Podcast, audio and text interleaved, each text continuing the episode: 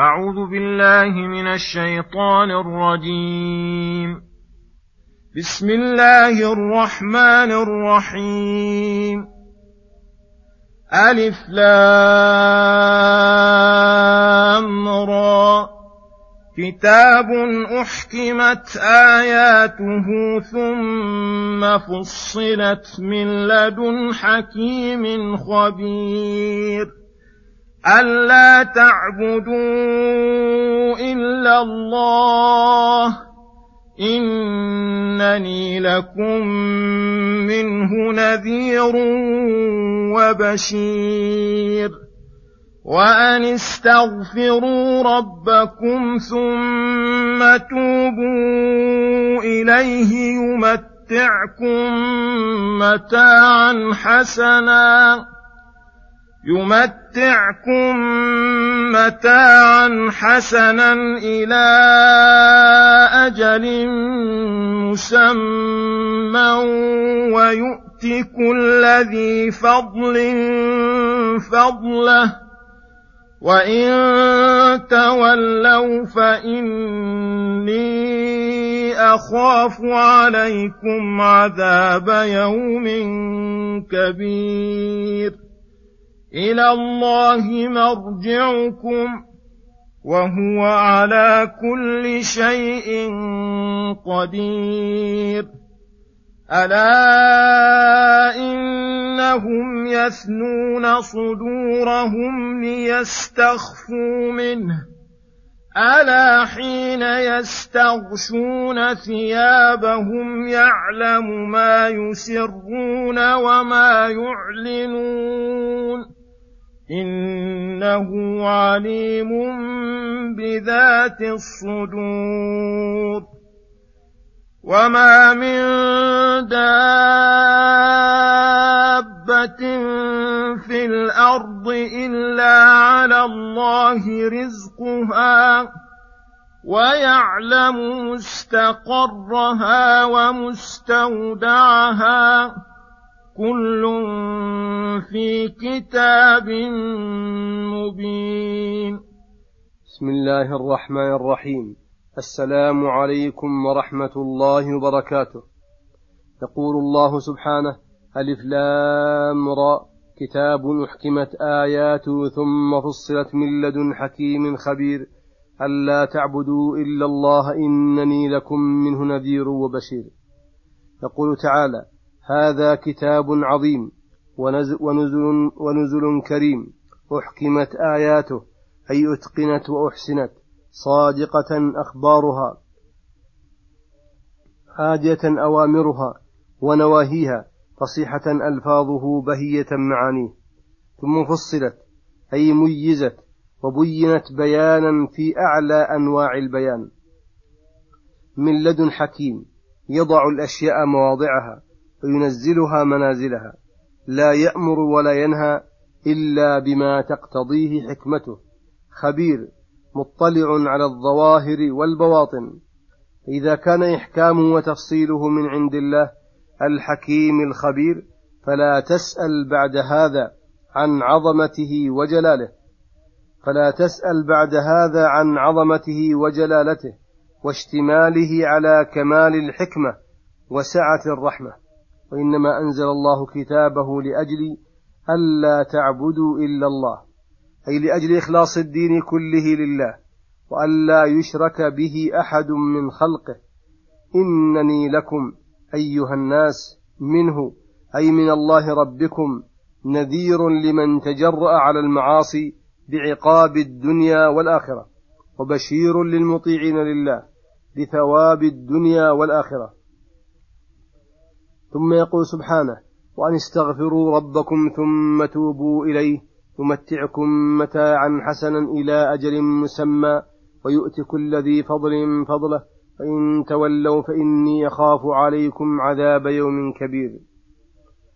أي وأن استغفروا ربكم عما صدر منكم من الذنوب ثم توبوا إليه فيما تستقبلون من أعماركم بالرجوع إليه بالإنابة والرجوع عما يكرهه الله إلى ما يحبه ويرضاه.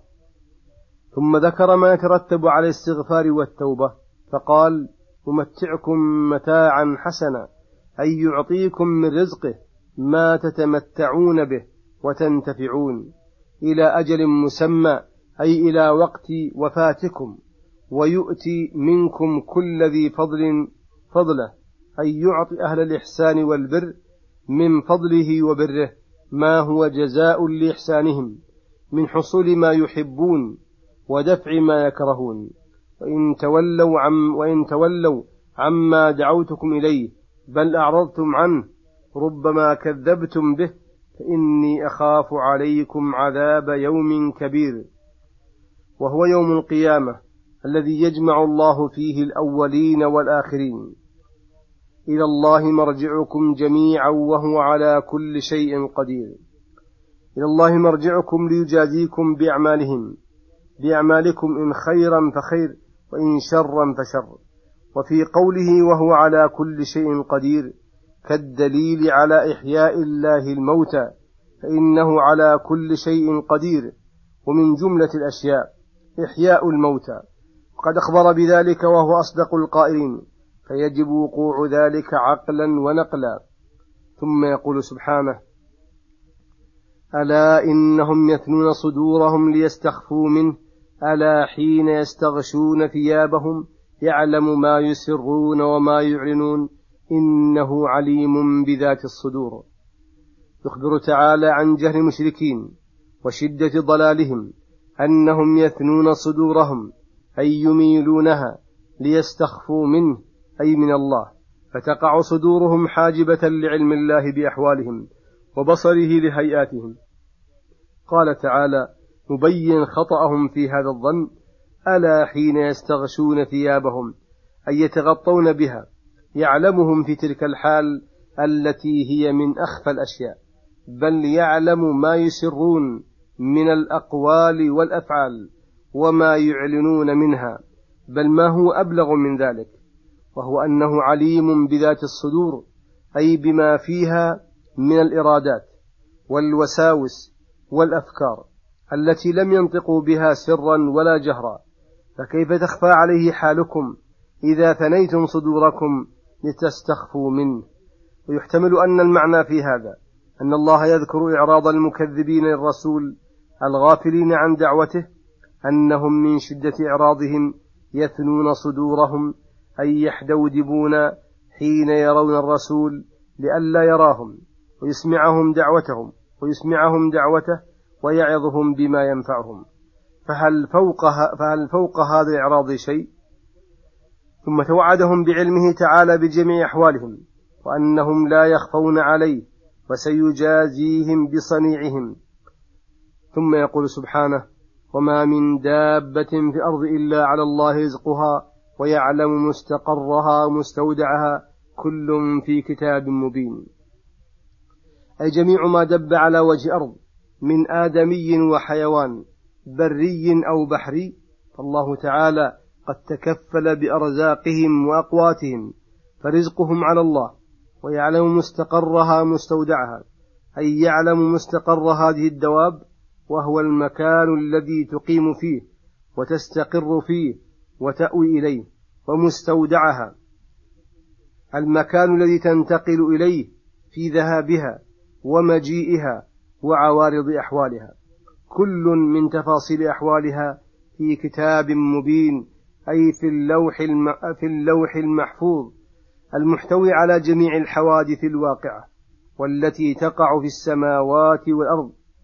الجميع, الجميع قد أحاط بها علم الله وجرى بها قلمه ونفذت فيها مشيئته ووسعها رزقه.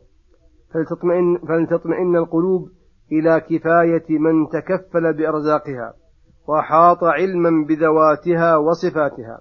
وصلى الله وسلم على نبينا محمد وعلى آله وصحبه أجمعين. وإلى الحلقة القادمة غدا إن شاء الله. السلام عليكم ورحمة الله وبركاته.